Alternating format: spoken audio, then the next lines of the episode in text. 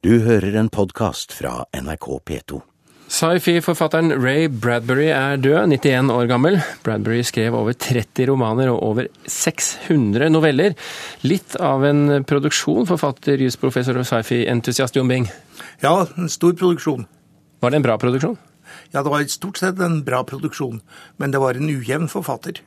Ja, fordi at når han har skrevet så mye, så må man jo stille spørsmålet var alt like bra? Ja, og svaret på det er helt klart nei. Det var det ikke.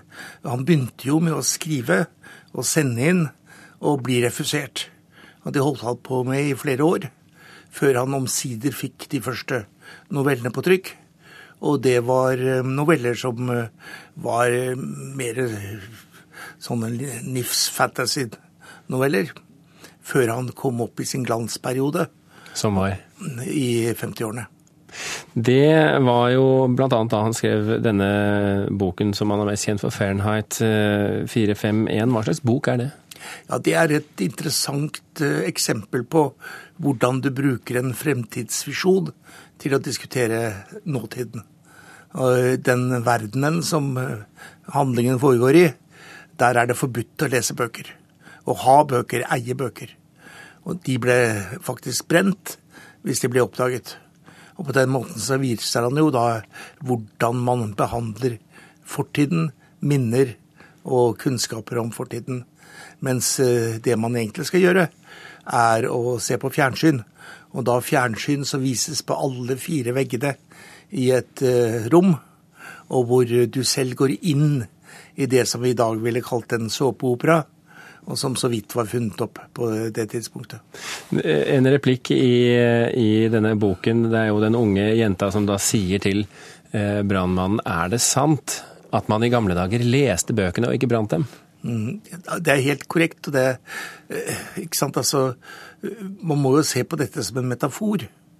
Og eh, se at dette er Bradbury som spør sin samtid om hvorvidt de tar vare på kunnskapene fra fortiden.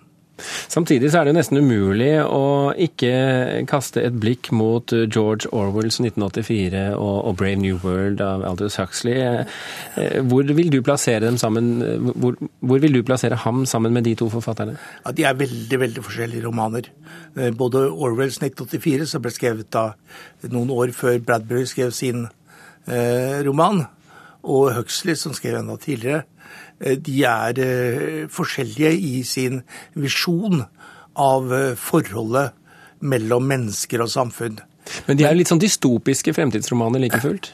Ja, de er ikke egentlig det. altså De er samfunnskritiske. 1984 heter jo 1984 fordi at den ble skrevet i 1948. Så han var byttet om de to siste tallene. Og den handler jo da egentlig om kommunismens filosofi og viser hva den kan gjøre med et samfunn. Men Bradbury sin eh, bok 'Fahrenheit 451' eh, eh, handler jo om også likhet. Det at alle må være like. De må, ikke, de må ikke være forskjellige. De må ikke få egne tanker, de må ikke få egne aspirasjoner. De skal være like, for da blir man lykkelige. Ja, og det handler da først og fremst om kultur. Og hvordan kulturen er med på å nivellere mennesker.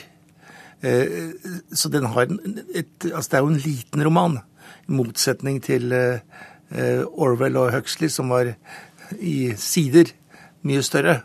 Så er jo eh, Fahrenheit 451 omtrent bare en lang novelle. Men hvor, hvor, vil, hvor treffsikker var han som fremtidsspåmann? Han var ikke spåmann. Han snakket om vår tid og våre samfunnsforhold. Og han pretenderte ikke å ha noen meninger om hvordan verden kom til å gå, annet enn som eh, en politisk utvikling. Så der var forskjellen mellom han og Huxley og Orwell, kanskje? Nei. De, de heller ikke snakket om fremtiden, de snakket om sin samtid. Og politiske forhold i sin samtid. Det er ofte slik at uh, hvis du bruker fantastisk litteratur, så kan du bruke fremtiden som en slags speilbilde av nåtiden. Eh, og så forveksler av og til lesere eh, dette og sier at eh, man prøver å spå om hvordan fremtiden vil bli, istedenfor at man skjønner at det er å tydeliggjøre hvordan vår egen tid er. Så her har programlederen gått fem på, med andre ord. Ja, det er veldig hyggelig å treffe slike programledere. du kjente ham til en viss grad selv. Du har i hvert fall eh, vært i dialog med han over tid når du har oversatt eh, hans bøker. Hvordan var han som person? Nei, altså jeg kjente han veldig, veldig lite. Men øh, han var øh, veldig selvsikker. Han trodde veldig sterkt på seg selv. Noe som sikkert hadde vært helt nødvendig for å gjennomleve disse årene hvor han samlet uh, returslipper uh, og avslagsbrev. Uh, og han kunne nok fremstå som nærmest arrogant i troen på at det han gjorde, var det beste som kunne gjøres. Vil han stå igjen som en viktig forfatter, tror du? Ja, det er ingen tvil om. Han forandret uh, fantastisk litteratur fra å være en uh, litteratur som så på teknologi og, og kanskje på fremtidsspådommer, til å bli en litteratur som så på teknologien som en metafor til å diskutere vår egen tid. Hva skulle vi eventuelt tape ved å glemme ham? Og vi vil tape en, et stort litterært arbeid altså en heller livslangt verk. Og kanskje først og fremst poesien som er knyttet til verdensrommet og raketter. Så hvis du skal komme med en eh, litterær anbefaling til eh, våre lyttere, hva bør de gripe fatt i av lesing eh, når det gjelder, når det gjelder Ray Bradbury?